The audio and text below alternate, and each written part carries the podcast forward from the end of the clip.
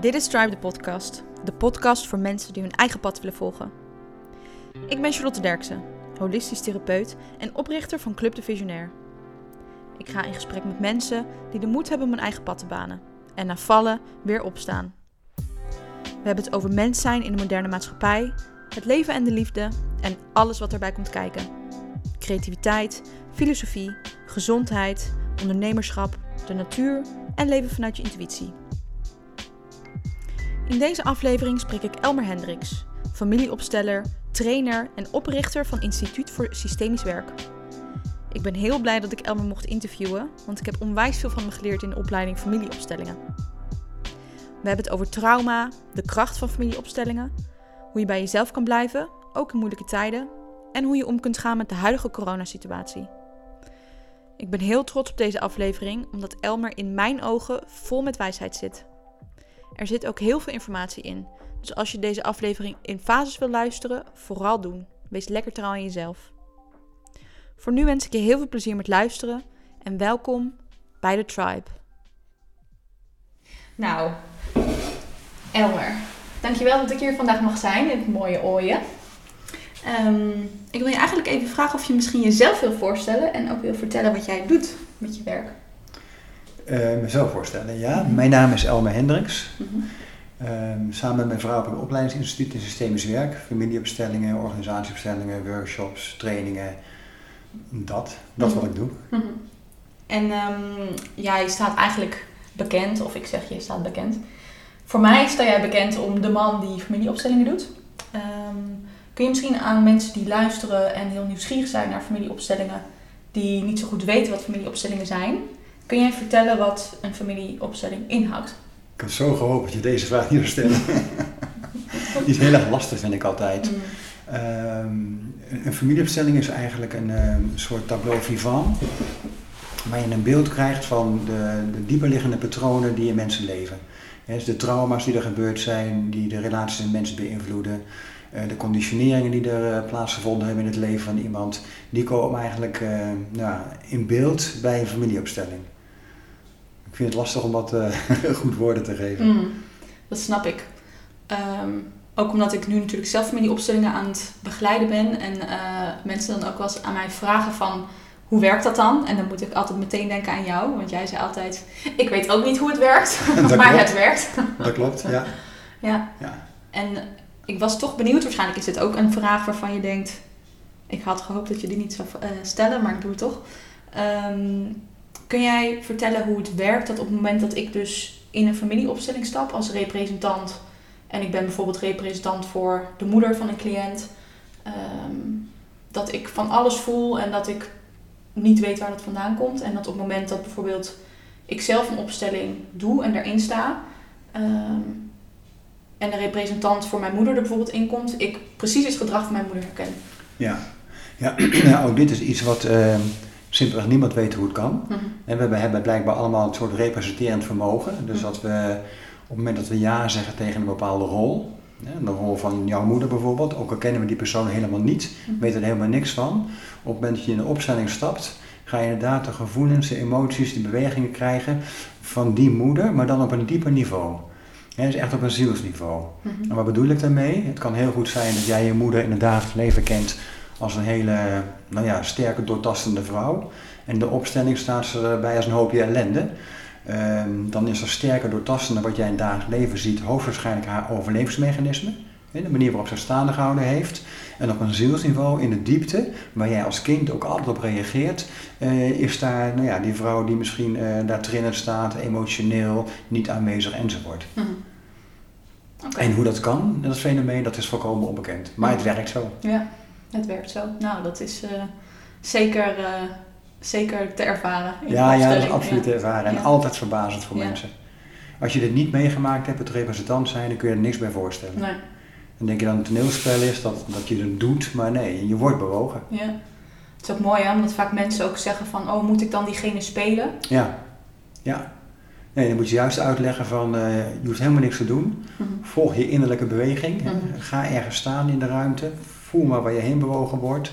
Ja, dan denken ze al na van ja, waar ik heen bewogen word, dat, dat weet ik toch niet. Op het moment dat ze gaan staan, dan beginnen ze te bewegen. En ja, dan kunnen ze in één keer merken dat ze naar een bepaalde toe, plek toe bewegen. Ze kunnen emotioneel worden, ze kunnen zich sterk voelen of zwak voelen, ze kunnen gaan trillen.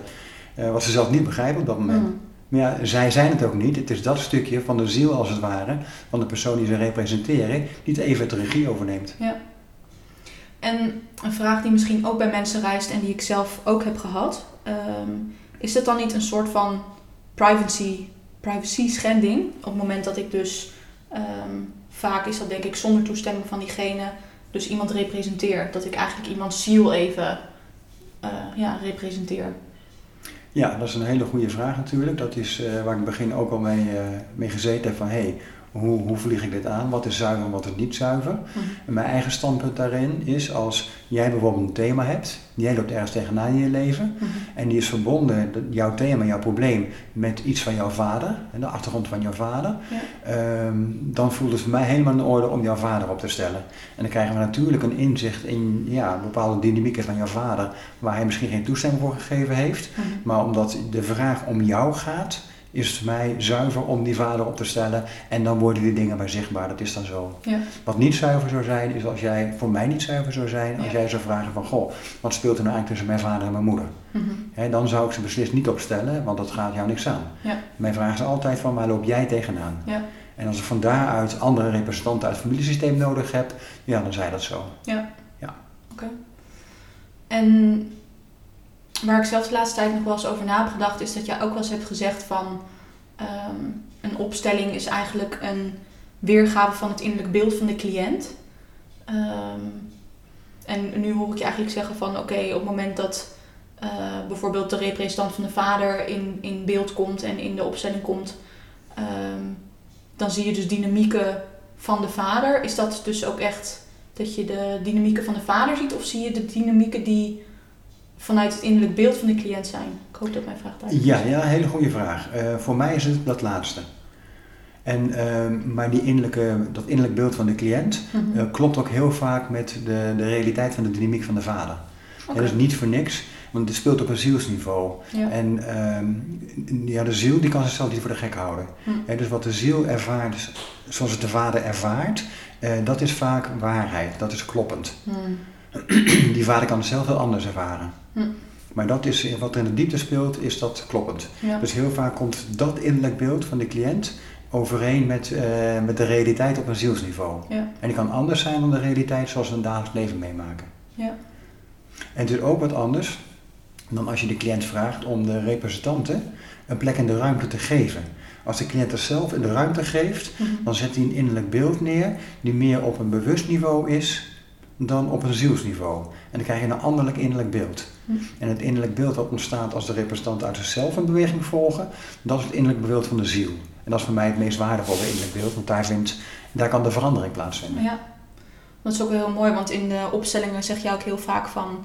eh, Oké, ik nodig je uit om even uit de analyse te gaan, uit je hoofd te gaan en gewoon in je lijf te zijn. Eh, omdat inderdaad het hoofd gewoon heel erg daarin allerlei dingen van kan vinden en het natuurlijk heel erg om de ziel gaat. Ehm, en ik ben dan toch wel even benieuwd, hè, ook voor mensen die, die misschien nieuwsgierig zijn geworden naar familieopstellingen, die luisteren, wat, ehm, wat doet een familieopstelling? Of misschien, kijk, dat is natuurlijk voor iedereen anders wat het doet, maar waarom zou je een familieopstelling gaan doen? Waarom we dat zijn gaan doen? Nee, waarom zou iemand een familieopstelling Ja. kunnen gaan doen? Ah ja, nou ja, eigenlijk heel simpel. Als iemand tegen ehm, bepaalde problemen aanloopt in zijn, in zijn of haar leven, Mhm. ehm, die door, door nadenken erover of door psychotherapie of andere zaken niet op te lossen zijn, eh, in beweging te komen zijn, eh familieopstelling werken op een zielsniveau. Hè, daar waar de, de, eigenlijk de trauma's ontstaan zijn en zitten ook. Daar waar de belastende patronen ontstaan zijn, daar waar de conditionering plaatsgevonden heeft. Op dat niveau wordt er gewerkt. Mhm. Dus eh, alleen op dat niveau ook eh, is de helende beweging mogelijk. Mhm. Dus dat zou een reden kunnen zijn voor mensen om naar een opstelling te gaan. Ja. Want mijn vraag is dan ook van waarom, eh, waarom werkt dit dan wel? Voor sommige mensen natuurlijk, misschien werkt het voor sommige mensen niet. Ehm, maar waarom werkt een familieopstelling dan wel en bijvoorbeeld psychotherapie of veel praten erover dan niet? Ja, het hangt er vanaf, uh, hangt van de psychotherapeut af natuurlijk en hoe er over gesproken wordt. Mhm. Als het gesprek ehm, naar de diepte gaat, naar ehm, ja, dat wat in de diepte gebeurd is, als dat gesprek daarheen geleid kan worden, kan het ook iets in beweging zetten. Maar vaak is het moeilijk, want er is inderdaad uh, praten voor nodig. En praten gebeurt vanuit je cognitie, mhm. vanuit je denken. En waar ben je geconditioneerd? Ook heel veel in je denken. Op het zielsniveau juist, waar opstellingen plaatsvinden, mhm. daar heeft je cognitie geen zin. Want je, heel vaak herken je ook niet wat daar gebeurt. Je ziel herkent het, mhm. dus je reageert er vaak ook heel emotioneel op. Je, je kan beginnen te trillen, te schudden, er kan van alles gebeuren. Mhm. Maar in je hoofd snap je niet wat er gebeurt. maar op dat niveau, op dat zielsniveau, daar vindt heling plaats. En dat werkt door in, nou ja, goed in de rest van je leven. En het andere is alleen maar praten over, als ik het even heel gechargeerd zeg. En dan kan trouwens wel uh, dat je met praten over uh, iemands gedrag kan beïnvloeden. Mhm. Maar het gedrag is een symptoom van de oorzaak die daaronder ligt. En dan kun je het gedrag beïnvloeden waardoor het leven van die persoon en de omgeving wat makkelijker wordt. Mhm. Maar de oorzaak is niet weggehaald. Mhm. Het gaat natuurlijk om de oorzaak. Ja. Om die in beweging te krijgen. Ja, want ik hoor je nu een aantal keer zeggen van in beweging brengen. Um, wat bedoel jij dan met het in beweging brengen van iets? Ja, ja, mooi.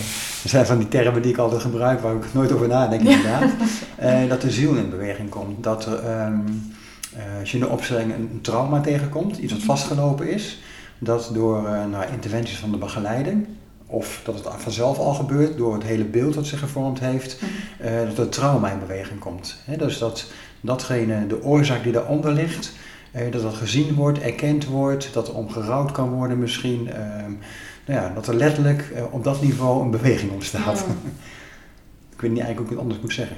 Ja, het is ook heel mooi, want als je dit zo benoemt, het in beweging brengen, uh, dan zie ik ook meteen een opstelling voor me waarin mensen ook letterlijk aan het bewegen zijn. Dus eigenlijk is een familieopstelling ook echt iets wat je niet moet, maar mag ervaren om te zien wat het, wat het brengt en uh, ja, hoe de ervaring uh, en beweging dus ook gaat. Ja, ja. Om een voorbeeld van een beweging te noemen, wat misschien wat visueler maakt. Als je in de opstelling de cliënt hebt tegenover bijvoorbeeld een moeder. En er is een, een, een, heftig issue tussen de cliënt en de moeder. Ehm, dan zie je heel vaak dat de cliënt de beweging naar de moeder, uh, en dat is altijd het kindstuk in de cliënt natuurlijk, het getraumatiseerde kindstuk, mm niet kan maken. Er zit boosheid tussen, frustratie en pijn, al die dingen. En die boosheid, die frustratie, is eigenlijk een secundaire emotie. Daaronder zit de diepe pijn van het kind, de primaire emotie, die er toen niet zijn kon, omdat de moeder om welke reden ook niet aanwezig was. Mhm. Nou, dat is dus eigenlijk in het dagelijks leven is dat vastgelopen. Want dat trauma, wat iemand met een moeder heeft, een soort bindingstrauma, komt ieder, iedereen in dezelfde relatie weer tegen. Of in iedere relatie die iemand aangaat, kom je dat weer tegen. Ja. Op het moment in een opstelling de oorzaak daarvan zichtbaar kan worden, de pijn zichtbaar kan worden. Dus dat de cliënt bij de dieper liggende pijn kan komen, waardoor het trauma in beweging komt. Mhm. Dan komt die primaire emotie helemaal vrij. Vaak maar heel heftig. Nou, dat is al een beweging natuurlijk, een innerlijke beweging. En dan is het heel vaak mogelijk dat de cliënt nog een beweging naar de moeder toe maakt. En dat is ook al een zeer helende beweging. Mhm. Dus in die zin eh, bedoel ik eigenlijk het woord vaak van beweging. Hm. Mooi, dankjewel voor de toelichting. En ik hoor je ook een aantal keer trauma zeggen. Ehm, en zelf noem ik ook het woord trauma regelmatig in als ik mensen probeer uit te leggen wat, wat het inhoudt. Ehm, en ik merk toch dat sommige mensen heel sterk reageren op het woord trauma. En zelf was ik eerst ook heel wars van het woord trauma, omdat ik dacht van, oh een trauma is als er iets heel ergs is gebeurd. Ehm, iemand die in een oorlog heeft gevochten of zo. Dus ik ben met mijn, toen nog dus aanhalingstekens trauma, dat is dan geen trauma.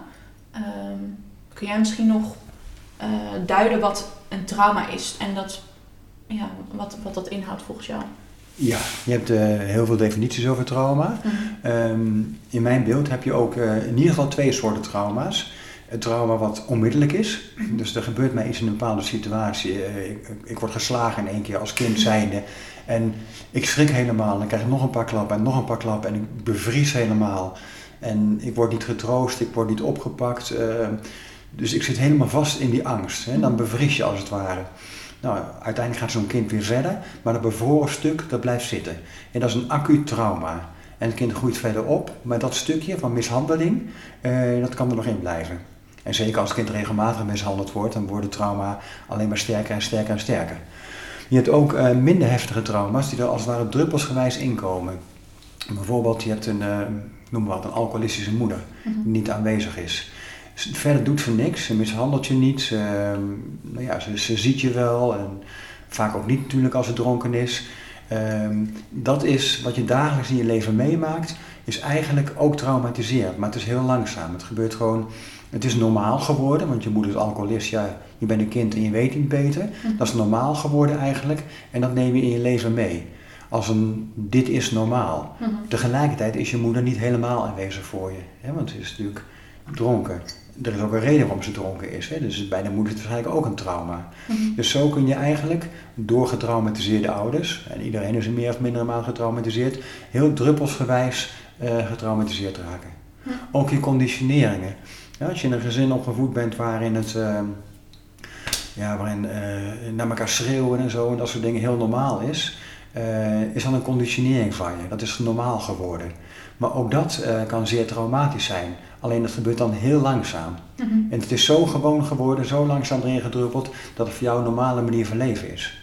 Ook dat kan een trauma zijn. Mhm. Dus trauma heeft een vrij groot scala wat mij betreft. Ja. En als jij dan dus spreekt over trauma en conditionering, wat is dan het verschil tussen een trauma en een conditionering? Trauma heb je natuurlijk net even uitgelegd, maar je benoemt net even kort conditionering. Wat is dan een conditionering? Een conditionering is eigenlijk ehm, iets wat er door gewoonte uh, inslijt. En een conditionering hoeft zeer zeker niet fout te zijn. Hè? Mhm. We zijn allemaal geconditioneerd en die hebben ook nodig, die conditioneringen. Um, een conditionering is eigenlijk een soort automatische handeling die je binnen een bepaalde situatie verricht. En als je over iedere handeling steeds in moet nadenken, uh, vraagt dat veel te veel capaciteit van jou. Mhm. Dus heel veel dingen die iedere keer weer terugkomen, mhm. Ehm, dat is een conditionering. Het is bijvoorbeeld een conditionering die zeer helpend is als je de weg oversteekt. Ja. Dan kijk je links, rechts, links. Ja, zo ben je geconditioneerd. Maar dat is voor je veiligheid. Dat is een zinvolle conditionering. Maar je hebt ook conditionering natuurlijk vanuit uh, je familiesysteem. En zo'n conditionering kan heel belastend zijn. En dat kan bijvoorbeeld een conditionering zijn dat uh, andere mensen niet te vertrouwen. Hm. je bent zo geconditioneerd dat je weet, ja, niemand is te vertrouwen. Nou ja, als je zo geconditioneerd bent, uh, dan wordt het heel moeilijk later in je leven om mensen te vertrouwen. Of jouw vader blijkt volledig onbetrouwbaar te zijn. En dat neem je helemaal mee. Dat, oh ja, vaders, uh, mannen, mensen met een autoriteit, die zijn niet te vertrouwen. Kom je later in een werksituatie terecht, dan is jouw leidinggevende is ook niet te vertrouwen. Dat is een autoriteit. Zo ben je immers geconditioneerd. En dat is volkomen onbewust. Mhm. En die conditioneringen kunnen je behoorlijk in de weg zitten. Want dan kun je steeds conflicten hebben met een leidinggevende. Uh, terwijl het niks met de leidinggevende te maken heeft, maar alles te maken heeft met hoe jij vanuit je conditionering naar die leidinggevende kijkt. Hoe jij die persoon ziet. Ja. En eigenlijk wat je dus zegt is dat je in een familieopstelling, uh, en zeker op het moment dat het in groepsverband is, dat je dan eigenlijk letterlijk voor je gaat zien wat er speelt in de diepte qua dynamiek. Ja, je ziet het, maar het belangrijkste is je ervaart het ook mm. als cliënt zijnde. Ja. Dus ten eerste het beeld al, hè, er kan zo'n aha-erlebnis geven van, oh wacht even, dit speelt er in werkelijkheid. Daardoor kon ik dit, dit nooit zien. Mm. Daardoor heb ik dit gedrag. Ah, dat, dat is al één ding, hè. dat is mm. de realisatie wat heel helpend is. Ja. Maar door in de opstelling te staan ook, de cliënt zelf ook, wordt nog een keertje beleefd en gevoeld en ervaren in het lichaam. En dat vind ik ook een heel belangrijk aspect. Want het lichaam, ja, het lichaam slaat alles op. Het bevat ook al het geheugen wat dat mhm. betreft. Dus mhm. als daar iets in kan veranderen, in die ervaring, mhm. dus als een belastende ervaring omgezet kan worden, uh, die er gewoon helemaal mag zijn natuurlijk, maar uiteindelijk in beweging kan komen en daardoor omgezet kan worden in een niet belastende ervaring, ja, is dat zeer bevrijdend. Want het is gewoon verbijsterend hoe mensen geconditioneerd zijn. Bijna iedereen leeft volledig volgens uh, die conditioneringen. En dan hebben ze nog steeds de illusie dat ze vrij zijn. Ja. Hebben ze steeds de illusie dat ze een eigen wil hebben. Maar hun wil, hun verlangen, wordt zo bepaald over het algemeen door conditioneringen. Trauma's, indoctrinaties zelfs. Ja. ja. Diepe zucht van mijn kant. Want, dit is ook... Uh, ik heb natuurlijk mijn vragen voorbereid. En um, ik had zelf al een aantal vragen die ik je wilde stellen. En toen stelde ik op Instagram stelde ik de vraag van... Goh, hebben jullie nog vragen uh, aan Elmer? Um, en daar kreeg ik ook de vraag die ik je ook wilde stellen. Want je benoemt al even van oké, we zijn zo geïndoctrineerd eigenlijk en, en zo geconditioneerd. Natuurlijk door onze ouders of opvoeders. Of uh, als je bijvoorbeeld in een tehuis hebt gezeten door die opvoeders of door je leraren, leraressen, zeg maar mensen die gewoon uh, belangrijke invloed hebben op je. Ehm, maar op dit moment hebben we natuurlijk ook gewoon te maken met een situatie in de wereld met corona. Ehm, en ik zie jou als persoon gewoon als iemand van oké, all is well. En uh, toevallig zag ik je bij de opleiding ook een keer uh, je, je mondkapje opdoen omdat je de supermarkt in ging. Um, en ik ben toch heel benieuwd in deze hele situatie, waarbij ik zelf bijvoorbeeld uh, weerstand ervaar, bijvoorbeeld tegen de maatregelen, tegen anderhalf meter afstand, tegen dat ik me moet testen of dat ik een mondkapje op moet. Um, ben ik heel benieuwd hoe jij daarmee omgaat en ook wat jouw blik daarop is. Ja, ja. Uh, ik doe mee aan de maatregelen om te voorkomen dat ik een boete krijg. Mm dus daar, daar waar die maatregelen me opgelegd worden uh, en ik mijn werk zou moeten stoppen omdat ik de maatregelen niet volg, uh, daar volg ik ze. Mm Dus een mondkapje op in de supermarkt, ja, als ik dat niet doe, dan loop ik het risico op een boete. Nou, mhm. dat is het niet waard. Hè. Nee. Ik bedoel, ik heb er geen principe in. Mhm. Ehm, ik zie corona natuurlijk, ja, het is een ziekte, ja, uiteraard. Dat valt niet te ontkennen, die is er ook. Ja. Maar voor mezelf sprekend, ik word veel liever ziek van corona. Ik vind ook geen enkel probleem om er dood aan te gaan aan corona als dat zo zijn, dan dat er al die maatregelen uh, volg. Ja, dus voor mij persoonlijk, ehm, mhm. ik laat me ook niet inenten, ben ik absoluut niet van plan. Nee. Ehm, ik volg de maatregelen ook alleen maar daar waar ik voorkomen kan dat ik een boete krijg en daar waar ze mhm. echt opgelegd worden. En ja, in privé eh, zo min mogelijk. Ja. ja.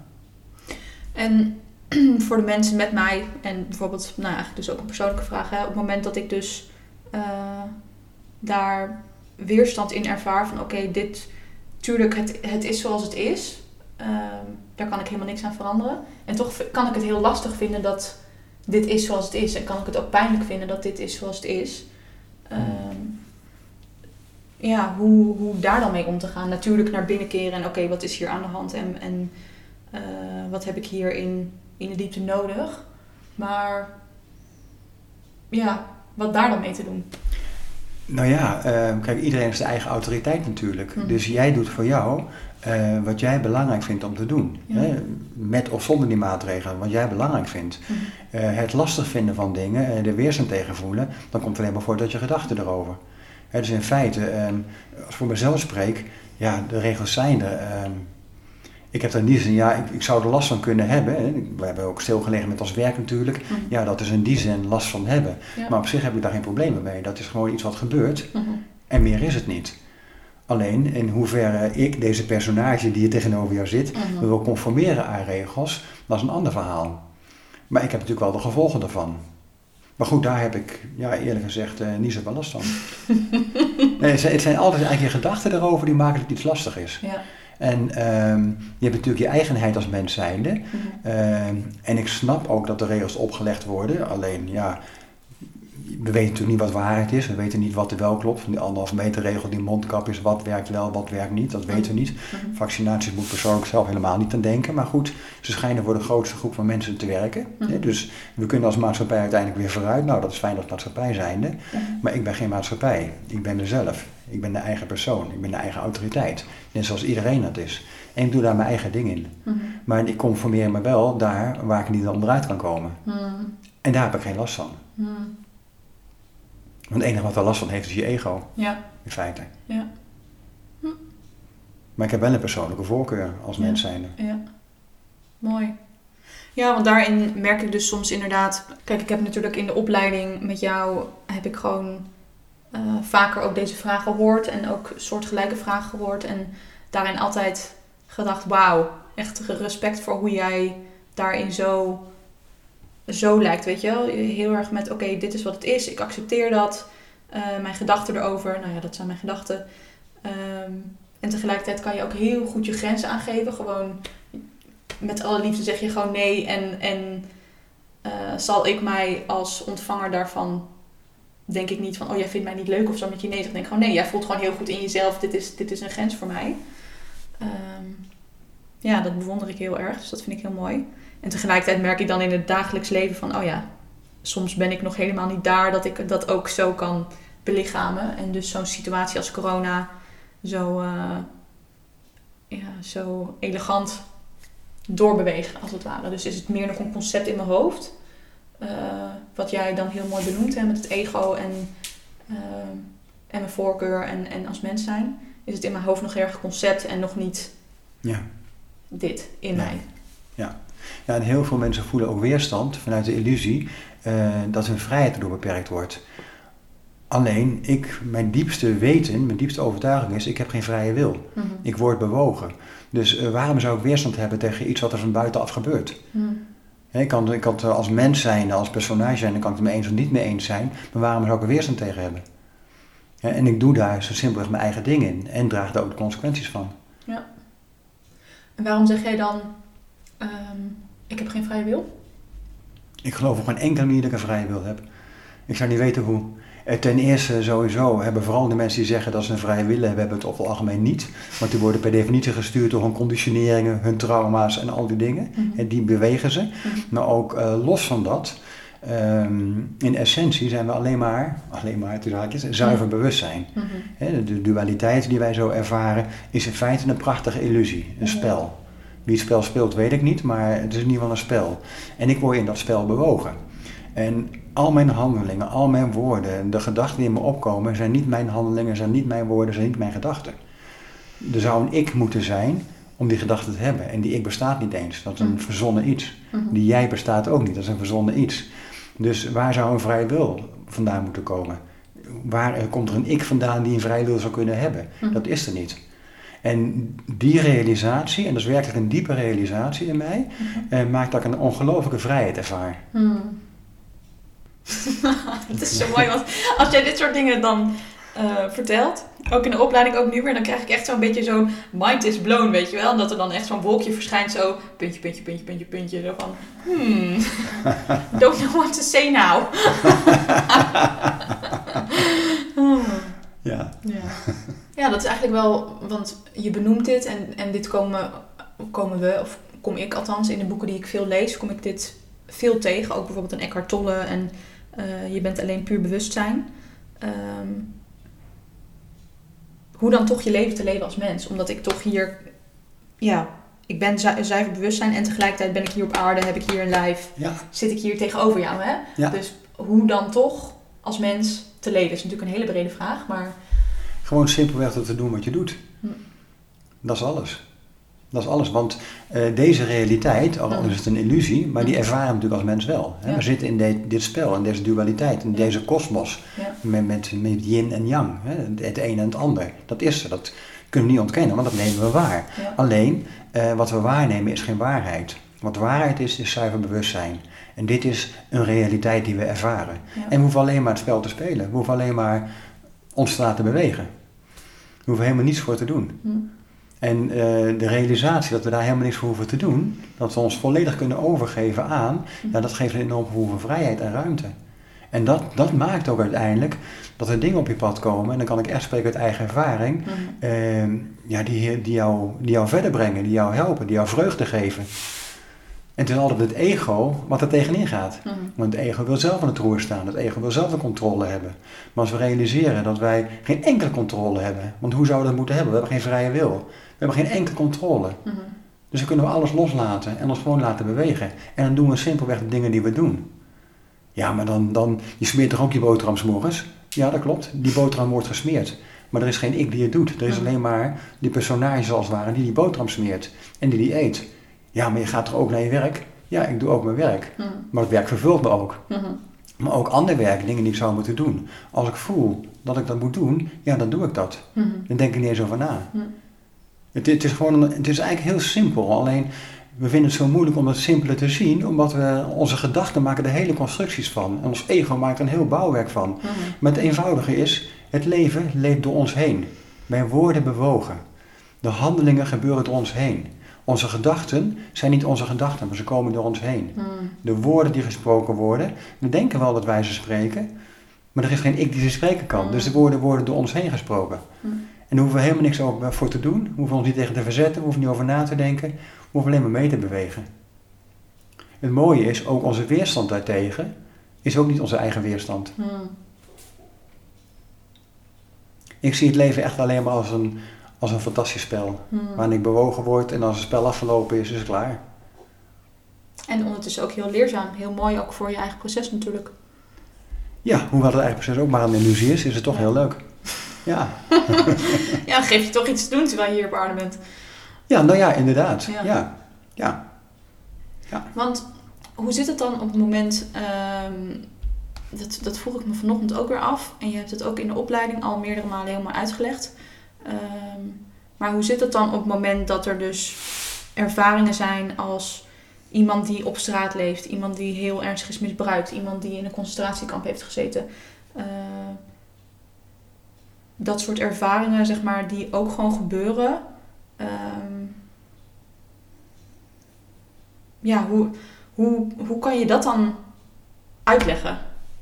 Maar wat moet je erover uitleggen? Ook dat zijn dingen die gebeuren. Ja, Alleen, we vinden allemaal, eh, vanuit onze menselijkheid en vanuit Mhm. ons, nou noem het geweten, eh, vinden we allemaal dat het niet mag gebeuren. Mhm. En ook begrijpen we natuurlijk, want een kind wat misbruikt wordt, ja, dat, dat druist zo tegen je gevoel van menselijkheid in. ja. Een kind wat mishandeld wordt, dat wil je niet laten gebeuren. Mhm. Maar tegelijkertijd zijn dingen die gebeuren. En ehm, wat kun je daar tegen doen? Je kan er zelf helemaal niks tegen doen. Het enige wat jij kan doen, is heel goed voor jezelf zorgen. De dingen doen die jij doet. Mhm. En als je daarmee volledig in balans bent, als je dicht bij jezelf bent, als je bewust bent en weet wat en wie je bent, en vooral weet wat je bent, Mhm. dan ontstaat er vanzelf de juiste beweging uit, wat het ook is. Mhm. Terwijl er tegelijkertijd geen juiste of onjuiste beweging is. Het is alleen maar dat wat er is. Maar ook dat, die dingen, de mensen die mishandeld worden, de armoede, eh, nou ja, de ziektes, al die dingen, zijn ook eenvoudigweg dingen die gebeuren.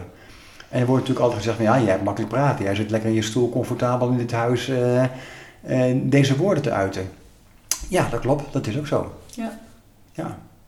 Tegelijkertijd is het de realiteit. Ja. Ja, vandaar dus ook even de vraag, hè, inderdaad, van oké, wij hebben het gewoon heel goed en eh, zijn in een maatschappij waarin we dit soort dingen kunnen doen.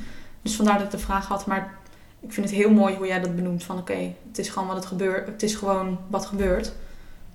Dus dat maakt het leven een stuk simpeler als je dat zo kan zien. Klopt, en een hele hoop mensen worden er ontzettend kwaad over als je dat zo zegt. Ja. Want die vinden dat niet mag gebeuren. Ja, maar dat kan toch niet en dit en dat en vind je dan zomaar dat? Ja, die vinden er van alles van. Ja. Ook te begrijpen, Ja. maar ook dat is wat er gebeurt. Ja. Alleen dan hoef jij jezelf als mens zijnde, ja, ga je erin meebewegen of ga je er niet in meebewegen? Mooi hè, dan komen we toch weer bij die beweging. Ja, ja. beweging, ja. Ja. Wij worden simpelweg bewogen. Mhm. En voor mij is het zo eenvoudig als dat. We worden bewogen. Zoals een opstelling beweegt, nou daar zie je het in gebeuren. Mhm. En je denkt, hoe kan dit? On- onbegrijpelijk. Mhm. Volledig onbekende mensen, die worden bewogen. Dit is precies mijn vader, dit is precies mijn zusje. Hoe is het mogelijk? Ja, ze worden bewogen. Maar zo gaat het in het echte leven, in dit leven gaat het ook. We worden bewogen. Ja. Een opstelling is alleen maar even een, een, een uitsnede van een moment in het leven. Wat iets laat zien. En meer is het niet. Maar het is wel een uitsnede van het leven. Dus ook wij in het leven worden simpelweg bewogen. Mhm. En alles, alles hoort bij het leven. Het zogenaamde goede, het zogenaamde kwade, de armoede, de rijkdom, de pijn, de vreugde, hoort allemaal bij het leven. Mhm. Daarop volgend heb ik ook een vraag over hooggevoeligheid. Eh, namelijk dat ik zelf, nou weet ik veel, vijf, zes jaar geleden eh, door iemand werd gewezen op hooggevoeligheid en daar heel veel in herkende. En grappig genoeg de laatste tijd ineens eh, een beetje twijfel over het bestaan van hooggevoeligheid. Natuurlijk geloof ik dat het er is, maar ehm, had ik daar een discussie over met iemand. En hij zei van, eh, ja, het is wetenschappelijk bewezen dat mensen die hooggevoelig zijn heel andere hersenen hebben en dat daar andere delen in worden geactiveerd bijvoorbeeld, anders op reageren. Eh, maar jij ga- gaf in de opleiding ook heel vaak aan van hooggevoeligheid kan ook heel goed een gevolg zijn van dingen die zijn gebeurd in je Ja. jeugd bijvoorbeeld. Ja. Dus ik was heel benieuwd hoe, of jij nog even wilt toelichten hoe jij hooggevoeligheid ziet. Ja, eh hooggevoeligheid in algemene zin heb ik geen verstand van. Hè, dus dat, ehm, die wetenschappelijke bewijzen kan heel goed zo zijn, dat weet ik niet. Ja. Dus dat zal best, neem ik aan. Ehm, een andere vorm van hooggevoeligheid is een overlevingsmechanisme. Dat als je van kinds af aan, van baby af aan, een omgeving heel onveilig was, Mhm. dat je als het ware al je tentakels en al je zintuigen uit moest hebben staan om continu de omgeving te, de, de omgeving te scannen. Eh, dat geeft ook een mate van hooggevoeligheid. Mhm. Dus in die zin ehm, kan hooggevoeligheid ontstaan zijn vanuit dat soort traumatische ervaringen. En dat is ook een druppeltrauma, hè, wat er langzaam in komt. De Mm. omgeving is onveilig. Je moet constant eigenlijk in de alertstand staan. Constant sta je open. Om te scannen, is het wel veilig voor mij? Mhm. Dat is eigenlijk het soort eh, wat ik dan bedoel. Ja, dus meer dan een overlevingsmechanisme. Je dat een over, duidelijk een Ja. overlevingsmechanisme. Ja. Waarmee ik zeker niet zeg dat alle hooggevoeligheid een overlevingsmechanisme is. Want Mm. daar heb ik, eh, ik ben zelf niet hooggevoelig, dus ik heb daar geen verstand van. Mooie nuance. Ik heb ook een aantal ehm, specifieke vragen over systemisch werk. Ah, kijk. Want ik heb, eh, dat was nu natuurlijk nog helemaal niet aan de hand. Nee, ik heb een aantal vragen over systemisch werk van een aantal luisteraars ook. Dus die hebben vragen ingebracht. Leuk. Ehm, en één vraag vond ik heel mooi. Eh, zij, eh, ik vond alle vragen mooi natuurlijk, maar eh, zij vraagt dit namelijk haar biologische vader, die is een anonieme donor. Hoe kan ze hem een plek geven in het familiesysteem? Haar biologische vader, ze weet niet wie haar vader is. Is een anonieme donor, ja precies. Ze weet niet wie haar vader is. Ja. Zij kan hem geen plek geven in het familiesysteem. Wat ze wel kan doen, is hem een plek in haar hart geven. Hmm. Dus zonder dat ze weet wie het is, realiseren dat zij, nou ja, bij wijze van spreken voor de helft, die vader is. Mhm. En die ze verder niet kent. Mhm. En ehm, dat stuk in zichzelf, de vader in haar, eh, een plek in haar hart geven. Hmm. En dat is echt een innerlijke houding. Ja. Hè? Want ja, hoe zou je dat moeten doen? Ja. Je zou het in een opstelling kunnen doen, bij wijze van spreken, als een ritueel. Ja. Dan wordt de biologische vader opgesteld. Ja. Nou ja, die beweegt dan ook als de biologische vader. Alleen zij kan het nooit herkennen, want ze kent die persoon niet. Ja. Eh, maar dan kun je wel een ritueel doen. Dat die cliënt, die biologische vader, een plek in haar hart geeft. Hmm, mooi. Ja, want je, eigenlijk in familieopstellingen werk je heel vaak met rituelen, hè? Ja. Ja. Waarom is dat?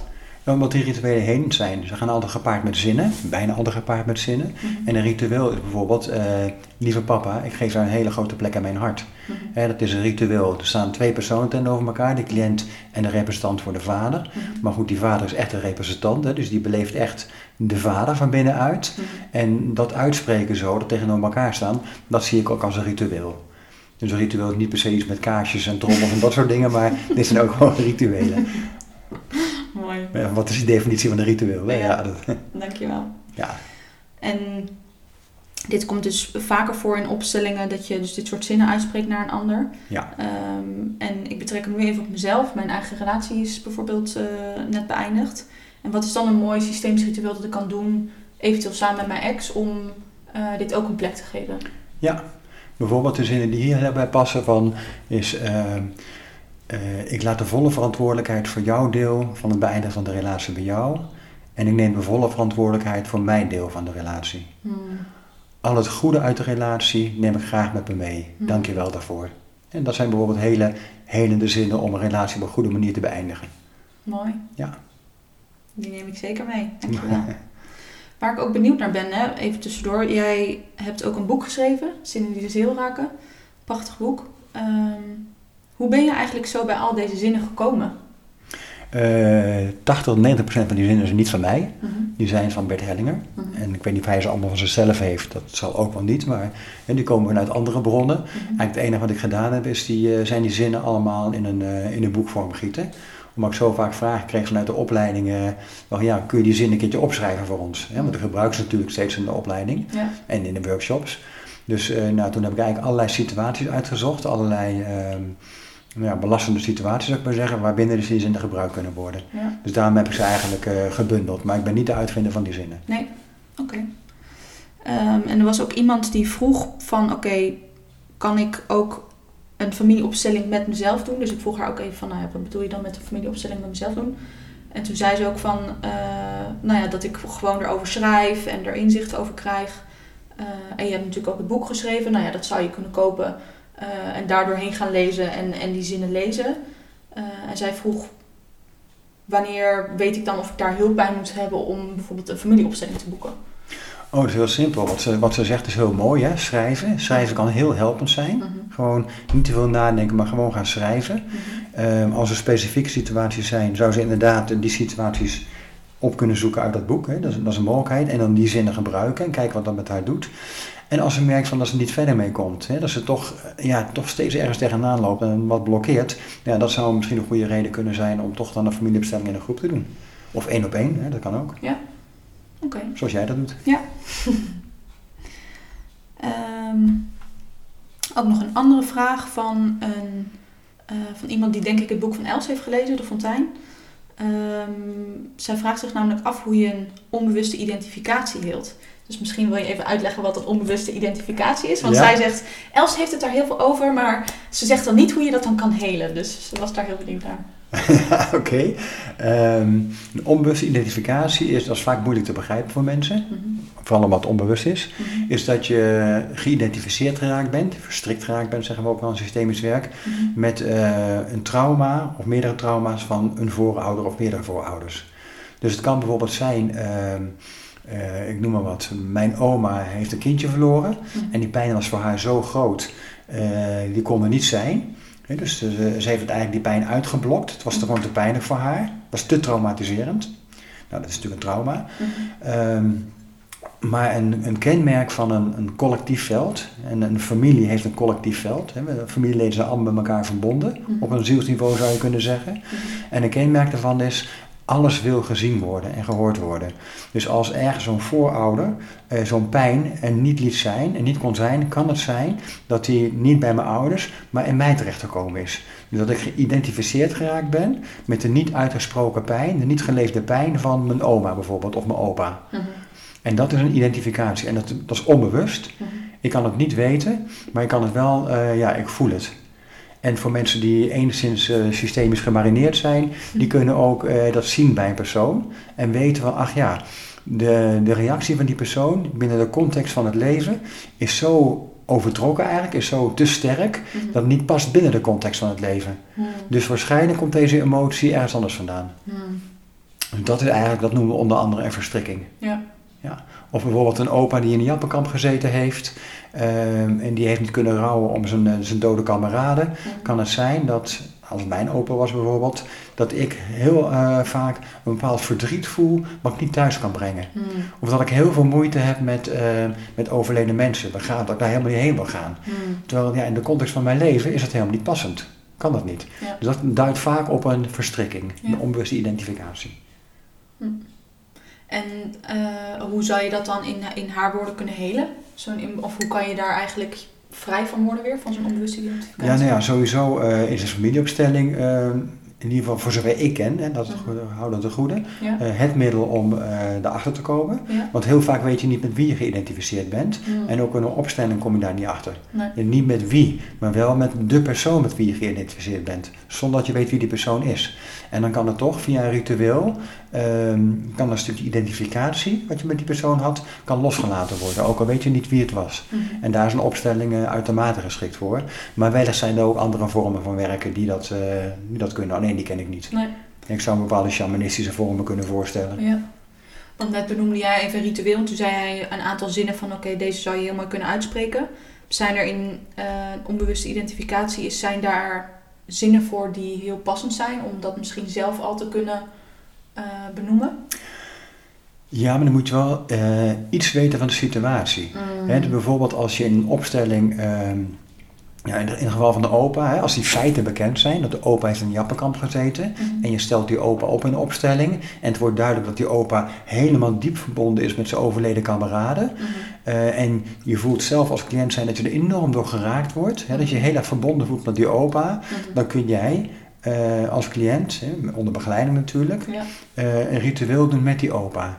Bijvoorbeeld, lieve opa, ik zie jouw grote pijn. Lieve opa, ik zie jouw zware lot. Ja. En ehm, ik laat het bij jou met liefde en met respect. Hè? Een beetje in die zin, in, Ja. in die trant. Ja. Zo van, hé, hey, ik heb het al die tijd onbewust gedragen. Uit onbewuste liefde voor die opa ook. Mhm. En nu laat je het weer gaan. Hmm. Laat je het, eh, dat wat je gedragen hebt weer los. Ja. Maar daar moet wel een bewustzijn over zijn dat je dat iets van iemand draagt. Als het bewustzijn ook niet is, ja, dan is het ook heel moeilijk om het los te laten. Ja. Daarin is natuurlijk een familieopstelling gewoon een heel mooi middel eigenlijk om te kunnen ervaren en te kunnen, ja, bewust te kunnen worden van wat er eigenlijk gaande is. Ja, bij uitstek. Ja. En nogmaals, er zullen ongetwijfeld ook andere methoden zijn, maar Ja. die ken ik niet. Nee? Ja. Oké. Ehm, en je had het net ook even over overleden mensen. En dan was er nog iemand die stelde de vraag van... Oké, wat betekent dit voor een systeem? Of wat gebeurt er in een systeem op het moment dat er ehm, familieleden overlijden? Ik weet dat er bij haar eh, recentelijk twee mensen kort achter elkaar zijn overleden. Wat betekent dat voor een systeem, een familiesysteem? Nou, dat hoeft niks voor een familiesysteem te betekenen. Het, eh, het gaat erom hoe wordt er mee omgegaan. Hmm. Eh, kan er om gerouwd worden? Hè? Mag er pijn zijn? Mag het verdriet er zijn? Is die ruimte ervoor? Ja, want rouwen is een natuurlijk proces om ja, dierbaren uiteindelijk eh, los te kunnen laten. Of loslaten helemaal lukt is nog maar de vraag natuurlijk, maar om los te kunnen laten zodat zij weer verder kunnen gaan met hun leven. Als het rouwproces er niet kan zijn, om welke reden ook, ja, dan kan het belastend zijn voor het familiesysteem. Maar verder, ja, betekent overlijden betekent niets. Mensen overlijden nu eenmaal, dat maakt deel uit van het hele spel. Hmm. Je wordt geboren en je gaat dood. Je- Dus, dus eigenlijk zeg je, eh, geef ruimte aan dat wat er in je leeft. Geef ruimte aan de emoties die door je heen willen komen. Geef ruimte aan... Nou, dat zeg je heel mooi. Als je in staat bent om alles te laten zijn wat er is, Mhm. hè, dat je, als er verdriet is, laat het verdriet opkomen. Als er boosheid is, laat er eh, boosheid opkomen. Laat het gewoon door je heen spoelen. Ja. Maar wat gewoon super belangrijk is, identificeer je niet met dat gevoel wat je hebt. En dat is wat heel veel mensen doen. Je bent niet je gevoel. Je Ja. bent absoluut je gevoel, je Ja. bent niet je emotie, je bent niet eens je lichaam, je bent niet je gedachten. Dus. Maar heel veel mensen, het zit in onze taal eigenlijk. Hè? Ik ben boos. Nee, ik ben niet boos. Ik ben deze personage en er gaat boosheid door me heen. En er wordt op dit moment boosheid ervaren. Maar die boosheid komt op en die gaat ook weer weg. Tenzij we die boosheid vasthouden. Ik ben boos. En je houdt je vast aan die boosheid. En heel veel mensen zijn erg gehecht aan hun emoties.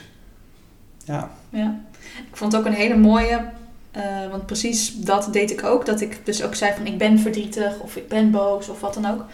Ehm, en heb ik dus geleerd de laatste tijd om in plaats van te zeggen ik ben boos, zeg ik ik voel me boos. Ja. Of ik voel, echt, ik voel echt veel verdriet. In Ja. plaats van oh ja ik ben dit. Nee, het komt en het gaat. En, precies. Precies. En het voelen is een hele andere connotatie. Mhm. Want dan beleeft jouw lichaam, beleeft even die boosheid. Hè, misschien vind je er wat van, misschien denk je er iets over. En die boosheid gaat weer voorbij. Ja, En hoe minder je ervan vindt, hoe makkelijker het voorbij gaat. ja. Ik vond dat ook zo mooi, of vind dat eigenlijk heel mooi, het woord eh, emotie, emotion, dat het eigenlijk gewoon staat voor energy emotion. Dus dat een emotie door je heen wil bewegen en wil spoelen. En ja, als je dat gewoon kan laten gaan en je kan even, wat dus in een familieopstelling heel mooi gebeurt, dat iemand even heel hard huilt. Of zelf ook, ik heb in familieopstellingen echt vanuit mijn tenen kunnen huilen. Echt Ja. heerlijk. Ja, En dat is dan ook echt gewoon louterend voor mijn ziel, voelt dat Klopt. gewoon. En daarna is het ook weer zo, oh ja, oké, dit gebeurde net. En nu kan ik gezellig bij de thee weer kletsen over weet ik veel wat. ja, exact. Ja. En bij familieopstellingen kom je dan vooral, ehm, als er ruimte voor gegeven wordt, en dat vraagt een beetje begeleiding, ja, die primaire emoties tegen. Want wat jij nu noemt is een primaire emotie. precies. En die zijn kortdurend, die zijn heftig en per definitie helend. En secundaire emoties natuurlijk waar je jarenlang of een leven lang in kan blijven hangen. Oh ja, oh ja. Zit. Ja. Ja, ja, en dat vreet energie. Ja. Emotionele energie kost zoveel van je energie, dus gewoon verbijsterend. Ja. Ja. Hmm. Maar heel veel mensen vinden ook emotie, ja, maar emotie dat is het leven, hè? Want geëmotioneerd zijn, dat is leven, dat is passie. Ja, dat is onzin. Dat is, dat is helemaal geen leven, dat is emotie. ja. En als je daar heel veel aandacht aan geeft, op die emotie heel erg cultiveert, ja, dan cultiveer je het leven niet. Dan cultiveer je alleen maar die emotie. ja. Ja, en je gedachten maakt dan van wat dat leven is. Nee, dat is het leven helemaal niet. Waar ik dan wel benieuwd naar ben, hè, want ehm jij vertelt ook van, nou, dat zijn je gedachten erover, dit is je, dat is je ego en zo. En ik merk dat ik nu dus in een, in een stuk zit, en dat heb ik je ook wel eens in de opleiding horen zeggen tegen iemand, dat ik nu in een stuk zit dat ik denk, maar dan voelt het allemaal ook een beetje leeg. Zo van, waar, waar is dan weer de vreugde of zo, weet je wel? En het genieten van het, van het mens zijn en eh, ja, dat. Ja, die kom je vanzelf weer tegen als je zelf toestaat om eh, in die leegte te komen ook. Mm, Dan kom je, dan kom je juist, dan ontstaat juist de, de vreugde van het leven. Alleen die vreugde, die is vrij stil. En die mm, vreugde zit geen emotie. Hè, die vreugde is eigenlijk emotieloos. Dat, is, eh, dat wordt diep ervaren. Het is een soort meta-emotie. Hmm. Mooi. Op de een of andere manier kom ik nu ook bij de Tao. Want eh, jij hebt natuurlijk ook een boek geschreven, de Tao en de kunst van familieopstellingen, zeg ik het wel Ja, goed? ja. Ehm, waarom verweef jij de Tao zo in familieopstellingen? Of waarom is de Tao in jouw leven? Ik weet niet hoe ik het ga spellen, maar misschien snap je wat ik bedoel. Ik snap wat je bedoelt. Ja, de taal is voor mij heel erg... eh, de principes, het gedachtegoed achter de taal is heel erg verbonden voor mij met het systemisch werk. Hmm. Heel erg, want eh, de taal gaat over bewustzijn. Ja, in feite is taal Hetzelfde als wat in het Hindoeïsme eh, Brahman is. Dat is zuiver bewustzijn. Alles wat er is, het, het ultieme, het uiteindelijke. Mhm. Eenheid. Ge- geef het maar een naam, geef het maar een woord. En eh, dat is Tao ook. Mhm. En uit Tao komen yin en yang voor. Nou, yin en yang is het waar we in leven. Hè? Het ene en het andere, de dualiteit. Dus voor mij zijn dat ja, die visie van de Tao, Ja. eh, de overgave ook aan de Tao, de wijsheid van de Tao, ehm, is voor mij heel erg verbonden met systemisch werk. Met de achtergrond daarvan. ja. En ik heb het over de Tao, hè? ik heb het niet over Taoïsme, want dat vind ik wel iets anders. Wat is dan het verschil? Eh, Het Taoïsme is weer een vorm. Hè, dus eh, iemand die Taoïst is, of zichzelf Taoïst noemt, die eh, in bepaalde vormen bezig. Misschien met rituelen ook, met Taoïstische rituelen. Ehm, met, ja, ja, voor- vooral met rituelen denk ik, met Ja. oefeningen. eh, je van, van die Tai Chi oefeningen vanuit de Tao. Nou, daar heb ik zelf helemaal niks mee. Mm. Ehm, want dat is weer een isme, zou ik maar zeggen. Ja. Dan is er de rauwe vorm en daar is weer iets van gemaakt. En net zoals het boeddhisme. Ja, ik heb niks met het boeddhisme. Mhm. Met eh, de Boeddha-gedachtegoed weer wat anders. Ja, Mhm. er was iemand die ook heel mooi zei van eh, het boeddhisme eh, creëert geen boeddha's, het boeddhisme creëert boeddhisten. Mhm. En je zou kunnen zeggen, eh Taoïsme creëert geen Tao, maar creëert Taoïsten. Het christendom creëert christenen en geen Christus. Dat is ook altijd een hele mooie wat jij benoemt met de religie. Dat, oh, dat, het- dat er een verschil is in een religie en godsdienst. Want Voor mij is er een groot verschil. Ja, En godsdienst is het, eh, is het concept, is het instituut, het machtscentrum, om zo maar te zeggen. Ja. Mogelijk met de beste bedoelingen, mogelijk niet. Mhm. Eh, de religie is altijd een persoonlijk iets. Dus het ene is het, eh, is een, is het, instituut, een instrument. Ja. En het andere, eh, re- religieuze beleving, is altijd een persoonlijk iets. Ja. En dat is eigenlijk een religie betekent alleen maar herverbinden. Hè, dus jezelf herverbinden met, nou ja, met wat je in essentie bent. En dat is voor mij altijd de religieuze beweging. ja, dat vind ik maar zo staat mooi. los van godsdienst. Ja, dat vind ik zo mooi, hè, dat herverbinden. Ja. Heel mooi. Ja. Ja, ik heb nog een persoonlijke vraag van iemand. Ehm, zij stelt de vraag, die denk ik ook voor meer mensen van, van toepassing is. Dat is natuurlijk iets wat je in een familieopstelling heel mooi kan ehm, ervaren, voelen. Ehm, maar ik vond het toch een mooie vraag, omdat ik denk dat die voor meer mensen herkenbaar is. Dus ik stel hem toch. Eh, haar ouders die hebben twee hele uiterste leefwijzen. Dus zij zijn allebei, hebben ze een ander overlevingsmechanisme door trauma's. Dat kan ze heel goed zien. Ehm, en ze ziet van beide kanten ziet ze ook het moois. Eh, maar ze ziet ook van beide kanten zeg maar de slechte kanten. En ehm, nu heeft ze zoiets van oké, hoe kan ik dan nu echt gaan leven? Zeg maar met hoofdletters leven. Ja, waarom zou ze niet kunnen leven? Dit zijn haar ouders, dit is zij niet. En dus blijkbaar heeft ze, eh, heeft ze onbewust het lot van de ouders te dragen. Of draagt ze onbewust het lot van de ouders. Of meent ze dat ze haar ouders moet redden of helpen. Het enige wat ze hoeft te doen, en dat is werkelijk het enige, en daarom is het zo simpel. Mhm. Alleen om het versimpeld te krijgen is vaak heel moeilijk voor mensen, want ze moeten allerlei concepten en gedachten en ideeën loslaten. Het enige wat ze hoeft te doen is haar ouders allebei een grote plek aan haar hart te geven. En bij hen te laten wat bij hen hoort. Mhm. Als ze dat werkelijk kan, als ze werkelijk haar ouders onbevooroordeeld, zonder gedachten, oprecht hun allebei plek aan haar hart kan geven, Mhm. dan eh, stromen als vanzelf de, de goede dingen, hè, even tussen aanhalingstekens, de goede dingen naar haar toe. Mhm. En alles wat belastend is, het blijft bij de ouders. Ze hoeft niets voor de ouders te doen, ze hoeft niks van de ouders te vinden, ze hoeft er geen mening over te hebben, zeker geen oordeel, hè, want een oordeel bindt haar aan de ouders. Ja. En als ze dat kan, is ze gewoon vrij, hè, ook weer tussen haakjes vrij, om haar eigen leven te leiden. Mhm. Hoeft ze niks voor te doen. Ja, want het is interessant, want een aantal jaar geleden las ik eh, het boek van Els van Stein, ehm, De Fontein, en daarin stond toen, ik weet nog dat ik het boek ook heel moeilijk vond en dat ik het ook heel warrig vond, want ik snapte er helemaal niks van. Ehm, en dat daar ook in stond van, ja, je hoeft alleen maar je ouders te nemen. En dat kwam een paar keer terug en nog meer van dat soort termen en dat ik echt dacht, maar hoe doe ik dat dan, weet je wel? Hoe doe ik dat dan? Ik voel Ja, allemaal ja. dingen, maar hoe doe ik dat dan? Ja, ja, ja. ja maar dat is, ook echt, dat is ook echt de kern. Ja, Ehm, hoe neem je je ouders eigenlijk? Hoe kun je dat doen? ja, In eerste instantie, maar dat is een heel proces. Hè? Niet iets van, hé, hey, dat ga ik even nu doen. Precies, Nee, dat is een heel ja. proces. Het gaat om het loslaten van je oordelen. Het gaat om het verwerken van je eigen pijn, je eigen onmacht, je eigen frustratie. Vooral ook ten opzichte van je ouders natuurlijk. Eh, het realiseren dat je ouders jou het belangrijkste hebben doorgegeven wat ze konden doorgeven. Dat is het leven. En je ouders geven het leven niet, dat kunnen ze niet, maar ze kunnen het wel doorgeven. Mhm. Nou, dat hebben ze gedaan. Met allerlei andere dingen die erbij zitten nog. Hè? Eh, Goede dingen en de belastende dingen. Maakt allemaal deel uit van je leven. En dus ehm, je eigen pijnen aan te kijken. Het is altijd, altijd, altijd weer de weg naar binnen toe. Altijd weer van, hé, hey, waar loop ik tegenaan? Waar is het mijn pijn, mijn frustratie? En als je je ouders daar helemaal buiten kan houden, als je realiseert dat het jouw onmacht is, jouw pijn, wat je ouders je ook aangedaan hebben, het is jouw pijn, jouw onmacht, jouw verdriet. Als je daarmee gaat dealen, wat een jarenlang proces kan zijn, en wat een buitengewoon heftig proces kan zijn als je durft aan te gaan, eh, dan ontstaat die ruimte er waarin je uiteindelijk op een natuurlijke manier je ouders volledig kan nemen. Mhm. Dan hoeven ze niet eens meer te nemen, dan is dat eigenlijk al op die manier gebeurd. Ja. Maar dat is een heel proces. Ja. ja, het is heel bijzonder, want eh, ik heb de laatste jaren ook een heel proces doorgelopen met mijn ouders.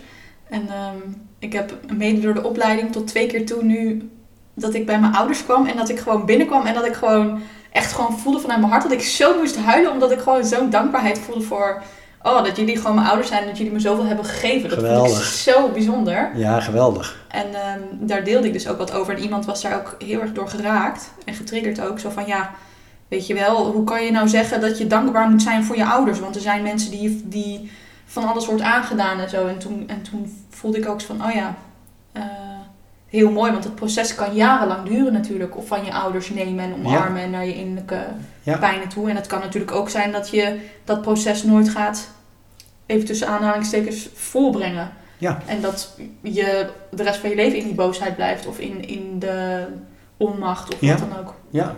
Wat ik al zei, sommige mensen zijn erg gehecht aan die boosheid. Ja. En eh, enerzijds willen ze vanaf, anderzijds eh, zijn ze zo aan gehecht dat het heel moeilijk is om er los van te raken. Mhm. En de dankbaarheid die je naar je ouders voelt, is eh, vooral over het algemeen de dankbaarheid voor het leven. Mhm. Dat komt wel via je ouders tot jou, maar het is vooral de realisatie, ah ja, maar zonder deze mensen was ik er niet geweest. En ik kan zo wat dankbaarheid voelen voor het leven. Nou ja, en daarmee eh, neem je gelijk je ouders. Mhm. Kijk, en wat Els Verstijn ook schrijft, hè, ehm, eh, nemen van je ouders. Dus voor sommige mensen is het wat makkelijker ook om hun ouders te nemen. Hè? Mensen die minder trauma opgelopen hebben door hun ouders, minder pijnlijke dingen, maar er waren wat issues, die kunnen door bewust, bewustwording eh, makkelijker in staat zijn om ouders te nemen. Ja. Maar ja, als je een behoorlijk heftige eh, jeugd gehad hebt met je ouders, dan kan dat weer je tijd vragen. Ja. Ja. En het kan natuurlijk ook heel goed zijn dat je wel je ouders neemt. En dat je dus het leven, zeg maar, dat geschenk van ze ontvangt. Maar daarmee ook in, in dit leven, zeg maar, ook heel helder de grenzen stelt. Van oké, weet je wel, ik, ik ontvang het leven van je, maar ik kies er wel voor om geen contact met je te hebben. Want dat is gewoon niet helpend voor mij, bijvoorbeeld. Ja, heel mooi dat je dat zegt. Want ehm, veel mensen denken nog, en dat komt een beetje vanuit eh, hoe Bert Hellinger vroeger ook over sprak. Mhm.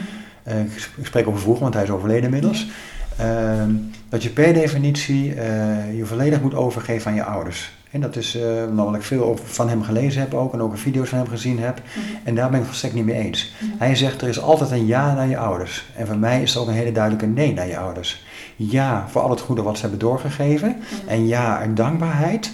Maar als ze nu nog steeds bij mij willen halen, hè, eh, dan ben ik eh, volledig gerechtigd om daar de grens te stellen. Maar er is een heel groot verschil tussen een grens stellen en iemand afwijzen. Dat is een heel groot verschil. Het is heel Nee. mooi hoe je, dat kunnen mensen die luisteren dus niet zien, maar Nee. Maakt een heel mooi, eh, maakt er een hele mooie beweging bij. Ja. ja, het ene is, zou je kunnen zeggen, is met de handpalmen zo van je af, met de handpalmen naar je toe. Zodat je een soort eh, cirkel maakt, zo, visueel zo, voor je gevoel. Dat is de grenzen stellen. Mhm. Dan met de buitenkant van de hand is naar de ander toegericht. En dit is met de handpalmen naar buiten, is de ander wegduwen. Mhm. Dat is echt eh, iemand uitsluiten, buitensluiten. En dat is belastend. Maar je hebt altijd het recht, altijd het recht om grenzen te stellen. Ook naar je ouders. Altijd. Naar iedereen. Naar iedereen die ja, onbewust misbruik van jou wil maken of gebruik wil maken wat jij niet wil. Op dat moment heb je volste recht om te zeggen nee. Mhm. Altijd. Mooi. Ja, dat dat eigenlijk ook heel mooi terugcirkelt naar de vraag die zij stelde. Zo van, oké, ik, kan, ik zie dus die dingen van mijn ouders en daarmee kan ik of dat dus wegduwen van, oh jij hebt dit wat ik niet mooi vind en jij hebt dat wat ik niet mooi vind en dat wil ik echt niet krijgen, dus ik blijf dat wegduwen. Versus, oké, ik omarm jullie zoals jullie zijn, met jullie trauma's en jullie dingen en dat is van jullie, weet je wel. Hoef ik Ja. niks mee, mogen jullie zelf oplossen. Ja. Als jullie willen, als jullie niet willen ook oké, maar Ja. niet, niet mijn probleem, zeg maar. Ja. En daarom van, oké, eh, ja, ik herken jullie als mijn ouders, geef jullie een grote plek in mijn hart en eh, daarmee kan je dus ook de, de, het leven soort van doorkrijgen, Ja, ontvangen. ja, want als je je ouders afwijst, en vooral je moeder, dus ik zie je moeder een beetje als de poort naar dat leven ook, als je die echt afwijst, en dan is het ook heel moeilijk om vol in het leven te staan. Mhm. Ja, dus eh, zeker als je wa- je moeder een plek in je hart kan geven, kun je ook veel voller in het leven staan. Maar het moet wel een authentieke plek in het hart zijn en niet zomaar een trucje. Ja, Het moet natuurlijk wel echt een beweging van binnenuit zijn. ja, En dan nog, als je je moeder een hele grote plek in je hart gegeven hebt, heb je het volste recht om het dagelijks leven, daar waar je moeder jou misschien vanuit haar eigen tekort in wil manipuleren, Mhm. en we gaan halen bij jou, om daar nee tegen te zeggen. En bij dat nee zeggen komt de volgende consequentie. Je schuldig voelen. Ja. En daarmee ook volledig ja zeggen tegen het gevoel van schuld wat je dan hebt. Want als je dat niet kan uithouden, zo gezegd, dat schuldgevoel, als je daar een ja tegen kan zeggen, ja, dan ben je weer de sjaak. Want dan ga je toch toegeven om dat schuldgevoel maar niet willen voelen. Ja. Dus dat schuldgevoel omarmen en daar volledig ja tegen te zeggen, dat hoort bij het proces van de grenzen stellen. En dat is waar de meeste mensen, vooral vrouwen, het heel moeilijk mee hebben. ja. En tegelijkertijd ook het proces van volwassen worden misschien een beetje. Dat, dat is het proces van volwassen worden, helemaal. Ja, zeg je heel mooi, dat is het proces van volwassen worden. Anders blijf je altijd kind. ja, Nou ja, en 99% van de wereldbevolking is gewoon nog kind, wat dat betreft. ja, emotioneel. Emotioneel, tuurlijk. Ja, nee, de verpakking is volwassen, Ja. maar emotioneel gezien, qua kindpijn, ehm, ja, dan, dat stuurt er nog. Hoe zo vrij wil. Ja. Wat vind jij zo leuk aan je werk en waarom doe jij wat je doet? Het waarom heb ik geen idee van. Ik kan alleen maar zeggen dat ik het buitengewoon vervullend vind. Hmm. En het waarom, daar zou ik over moeten gaan nadenken, waarom ik het leuk vind. Mhm. En dat vind ik eigenlijk niet zo zinvol om te doen. Want dat zijn dan weer wel gedachten die daar iets van vinden. Maar het, eh, ik kan alleen maar zeggen dat het me buitengewoon vervult. Ja. Daarom moest ik ook een beetje gniffelen terwijl ik de vraag stelde, omdat ik natuurlijk weet dat jij zegt van, ik doe wat ik doe en ik doe het gewoon, weet je wel. Ik hoef er niet iemand mee te helpen en Ja. dat vond ik ook een hele mooie ehm, gewaarwording en ook een heel mooi inzicht, omdat ik in volgopleidingen heel erg heb geleerd om de ruimte te houden voor een ander, er voor een ander te zijn, weet je wel, iemand vooruit te helpen. Terwijl ik in deze opleiding en de, de opstellingen die ik met je heb gedaan heel erg heb geleerd van, ik mag terug naar mij. En het mag helemaal losstaan van, ik hoef helemaal niemand te helpen. Ik hoef Ja. helemaal niks voor iemand op te lossen, want Ja. die verantwoordelijkheid draag ik helemaal niet. Ja, exact. Precies. Je bent alleen maar verantwoordelijk voor je eigen leven Ja. in die zin. Ja. En tot een zekere hoogte natuurlijk voor je kinderen, als je die hebt. Ja. Als je die zou hebben, dan tot ze volwassen zijn heb je daar ook enige verantwoordelijkheid voor. Natuurlijk, dat is een natuurlijk proces. Mhm. Maar voor je cliënt heb je geen enkele verantwoordelijkheid. Nee. Helemaal niets. Nee. Het is het proces van de cliënt. Het is jouw verantwoordelijkheid, hè, als je die op je genomen hebt om dat proces te begeleiden. Mhm. Maar je begeleidt alleen maar het proces. Maar niet de pijn van de cliënt. Dat, dat hoort niet bij jou. Ja. En dan kun je ook, als je niet wil helpen, dan kun je pas echt helpen. En Ja. ehm, waarom zeg je dat?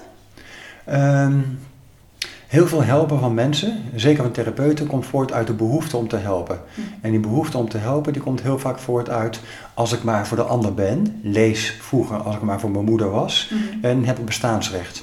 En dus dat helpen is eigenlijk, door de ander te willen helpen, eh, doe je jezelf een plezier. Mhm.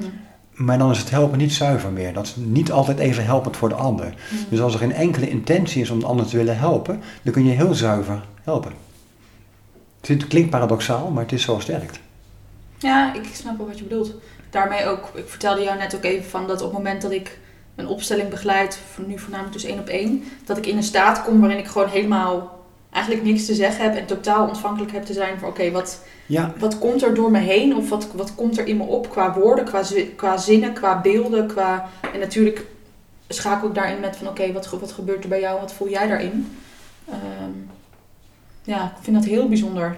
En dat het plek eigenlijk gewoon allemaal, dat het in mezelf zit. Ja. Dus telkens weer, wat jij ook zo mooi benoemt, van telkens weer die weg naar binnen, naar binnen, Ja. naar binnen. Ja die innerlijke houding van de begeleider is wezenlijk. Mhm. Die is wezenlijk, die is alles bepalend wat mij betreft. Mhm. Ja. Want het was ook nog een vraag van een ehm, andere opsteller. Zij doet het, eh, dit, doet het werk ook. En zij vroeg van, ehm, wat is de grootste uitdaging voor een opsteller?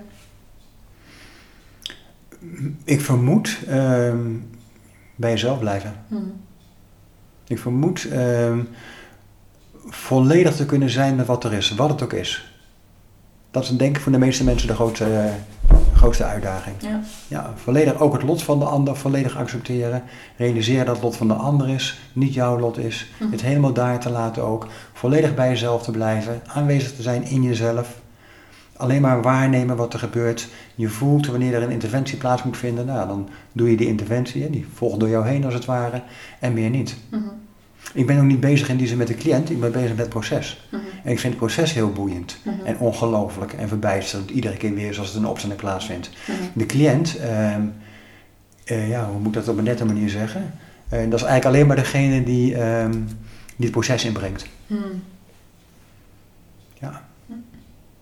En je benoemt net even he- heel mooi van, oké, je hebt, ehm, of de grootste uitdaging is dan om bij jezelf te blijven. En om dan even eh, af te ronden met een hele praktische vraag van, oké, hoe kan je bij jezelf blijven? Dus hoe kunnen mensen die aan het luisteren zijn en denken, oké, dat klinkt heel leuk. Eh, hoe kan ik dan bij mezelf blijven? ja, ook dat is een heel proces natuurlijk. Ja. Want ten eerste moet je erachter zien te komen, eh, niet zozeer wie je bent, maar vooral wat je bent. Mhm. Ja, als je ten diepste realiseert wat je bent, eh, dan wordt het steeds makkelijker om bij jezelf te blijven. Maar dat bij jezelf blijven vraagt ook van je dat je inzicht hebt in je eigen trauma's. Ja, dat je weet, wel, ja goed, wat, wat heeft mij bewogen en wat beweegt me nog steeds? Mhm. En wat zit er nog steeds aan traumaresten in mij? Ja. Ehm, hoe is mijn conditionering geweest? Ben ik nog onder invloed van de conditionering of ben ik daar vrij van? Ben ik vrij van oordelen überhaupt? En dat is natuurlijk een hele belangrijke. Als ik een oordeel heb over iemand, kan ik absoluut niet met die persoon werken. Als je dat dan wel doet, dan kun je niet meer zuiver werken. Je bent niet zuiver bezig.